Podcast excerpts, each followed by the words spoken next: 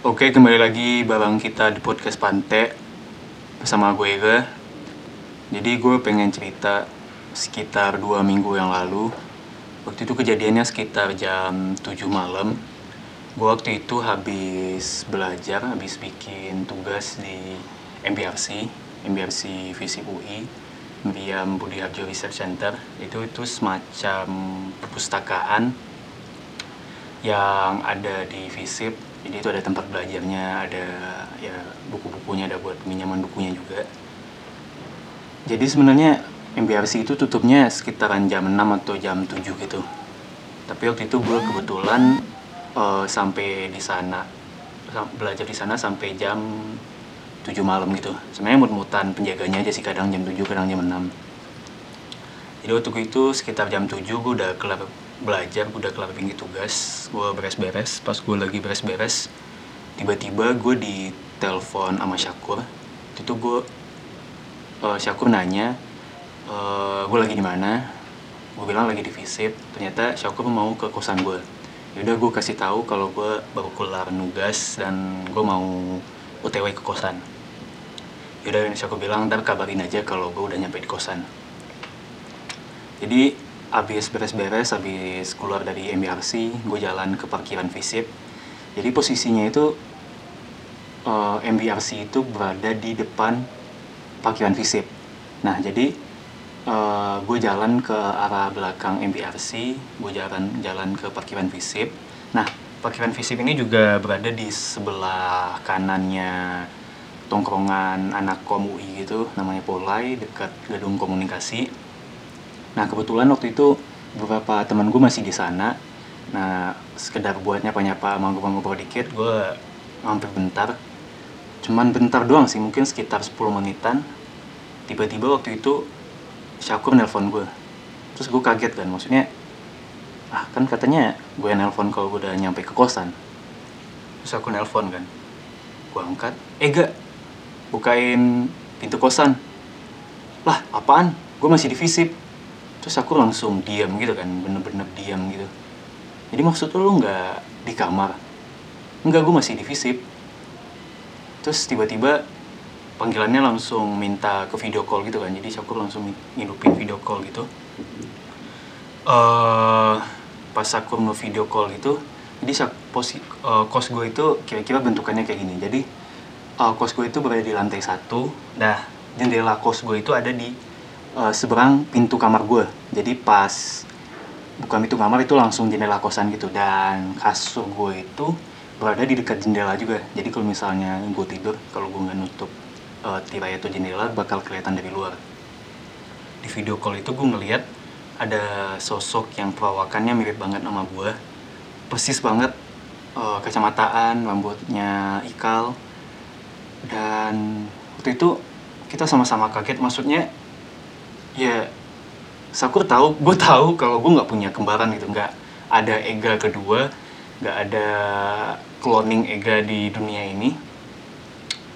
Dan waktu itu ada Ega satu lagi yang dalam kamar gue jadi Ega yang satu lagi itu sosok itu waktu itu lagi tiduran. Bukan tiduran sih lagi duduk di tempat tidur gue dia nyender ke dinding gitu dia ngelihat ke depan dengan tatapan kosong banget itu nggak ngerjain apa-apa. Bahkan gue nggak yakin dia nafas atau enggak uh, saya aku bilang ini nggak beneran lo kan? Ya kan gue lagi teleponan sama lo. Maksudnya kalau itu gue harusnya gue lagi ngangkat telepon lu dong. Habis itu kita sama-sama panuan kan maksudnya siapa yang ada di dalam kosan gue itu. Uh, yaudah waktu itu karena gue takut banget gue bilang ke Syakur yaudah bikin aja deh lu tungguin di depan kosan gue aja. Hmm, ntar gue jemput ke sana aja. Jadi waktu itu kondisinya Syakur lagi jalan uh, jalan kondisinya Syakur jalan ke kosan gue dan gue barengin dia aja ke kosan dia aja karena gue takut banget waktu itu buat stay di kosan gue nah waktu itu uh, pas gue nyampe ke sana Syakur ngajak gue buat ngelihat dari jendelanya lagi kan. Tapi gue waktu itu udah takut banget buat ngelihatnya. Tapi Syakur ngotot gitu buat ngiyakinin gue kalau itu nggak itu nggak editing dari video call dia. Jadi waktu itu gue beraniin buat muter ke belakang kosan gue dan ngelihat dari jendela gue dan yang gue lihat persis kayak video call itu sosok itu masih duduk di kasur kamar gue dan dia masih duduk dengan tatapan kosong gitu. Saya percaya nggak percaya sosok itu kayak beneran real gitu biasanya kalau orang-orang bilang hantu nggak napak kan. Tapi gue lihat dia masih ada kaki dan dia bahkan duduk kan di tempat tidur gue dan kita kayak pengen ngeyakinin kalau itu nggak benar dengan buka pintu tapi jujur gue udah takut banget. Yaudah gue waktu itu langsung cabut aja barang cakur ke kosan dia. Waktu itu untungnya gue uh, kuliah jam 11 jadi gue tidur di tempat cakur. Semalaman gue nggak bisa tidur sama sekali. Gue baru tidur sekitaran jam 5 gitu. Karena gue kepikiran sebenarnya gue yang gue lihat sama cakur itu apa? Abis itu jam 8 pagi gue bangun buat balik ke kosan gue soalnya gue mau ganti baju sama mandi juga pas gue balik ke kosan gue terus sebenarnya gue antara pengen gak pengen ke kosan gue sih. Soalnya gue masih yakin sosok itu masih ada di sana. Pas gue balik untungnya kosan gue waktu itu kayak oh, lagi rame gitu jadi kosan gue ada ruang tamunya gitu terus ada yang lagi nugas bareng gitu. Padahal masih pagi gue ngerti siapa yang mau nugas pagi-pagi.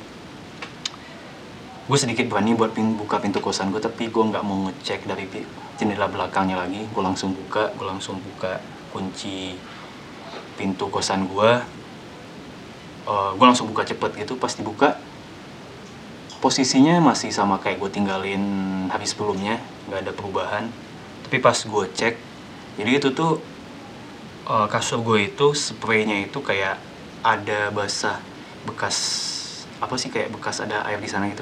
Lu pernah nggak sih lagi tiduran misalnya keringetan? Nah itu kan biasanya di spray lu kayak agak basah gitu kan. Kayak ya semacam atau lu misalnya naik ke kasur lu kaki lu masih basah habis dari kamar mandi lu naik ke kasur masih basah-basah gitu.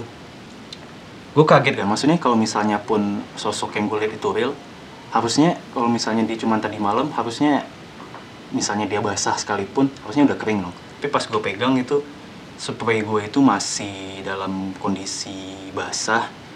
Dan waktu itu gue jadi makin yakin kalau yang kita lihat tadi malam itu benar. Tapi gue nggak banyak mikir gue langsung mandi langsung ganti baju langsung cabut ke kampus. Sebenarnya gue tipe orang yang nggak terlalu percaya cerita-cerita kayak gitu sih cerita-cerita mistis kayak gitu sih. Gue sebenarnya banyak baca cerita di Twitter di Reddit di Kaskus. Bahkan gue sempat baca buku-buku horor gitu. Gue sering nonton video-video horor juga tapi ya gue nganggapnya sebagai hiburan aja sih. Soalnya gue nggak terlalu percaya akan hal itu tapi setelah gue ketemu hal kayak gini gue jadi berpikir dua kali. Maksudnya kalau misalnya itu maling maksud gue nggak ada maling yang mau duduk di kasur gue sih walaupun dia mirip gue dan gue cek laptop gue masih ada duit gue masih ada. Waktu itu gue juga oh, ninggal duit di laci meja belajar gue dan duitnya masih ada. Kalau maling harusnya dia ngambil barang-barang gue dong kayak dia ngambil laptop gue dan sebagainya. Itu masih ada dan kondisinya masih utuh waktu itu. Sampai saat ini kejadiannya udah berlalu dua minggu. Gue sebenarnya pengen banget buat pindah kosan gue udah nggak sanggup lagi tinggal di sana tapi gue terlanjur udah bayar tiga bulan di sana gue terpaksa harus tinggal di sana. Uh, ya intinya gue masih tinggal di sana sih. Dan yang tahu cerita ini belum siapa-siapa gue belum ceritain ini ke siapa-siapa. Cuman gue dan Syakur doang yang tahu. Gue pengen sharing ini ke orang lain. Tapi di satu sisi gue juga takut. Gue pengen cerita ke orang-orang ya istilahnya orang-orang pintar orang indigo itu tapi gue takut kalau mereka beneran baca baca gue dan ternyata beneran ada penunggu di kos gue sumpah gue nggak tahu lagi gue bakal pindah ke mana buat ngekos bulan dua bulan ke depan ini. Dan sumpah ini adalah kejadian paling serem dalam hidup gue